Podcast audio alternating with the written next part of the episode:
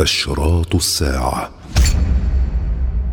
تدل الآيات القرآنية الكريمة والأحاديث الصحيحة على قرب الساعة ودنوها.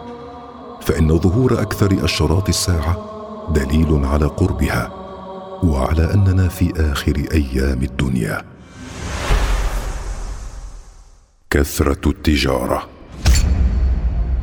ومنها كثرة التجارة وفشوها بين الناس. حتى تشارك النساء فيها الرجال.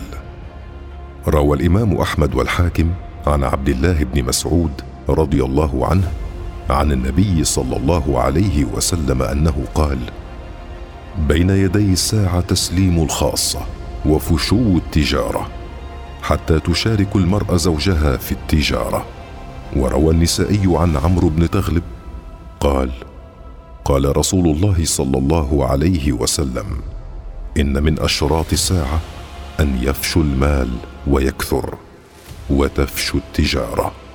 وقد وقع هذا فكثرت التجارة وشاركت فيها النساء وافتتن الناس بجمع المال وتنافسوا فيه. وقد أخبر النبي صلى الله عليه وسلم أنه لا يخشى على هذه الأمة الفقر وإنما يخشى عليها أن تبسط عليهم الدنيا. فيقع بينهم التنافس. ففي الحديث أنه قال عليه الصلاة والسلام والله ما الفقر أخشى عليكم ولكني أخشى عليكم أن تبسط الدنيا عليكم كما بسطت على من كان قبلكم فتنافسوها كما تنافسوها وتهلككم كما أهلكتهم. متفق عليه.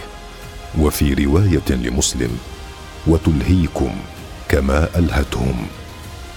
وقال صلى الله عليه وسلم إذا فتحت عليكم فارس والروم أي قوم أنتم؟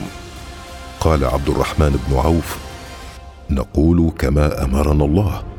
قال رسول الله صلى الله عليه وسلم أو غير ذلك؟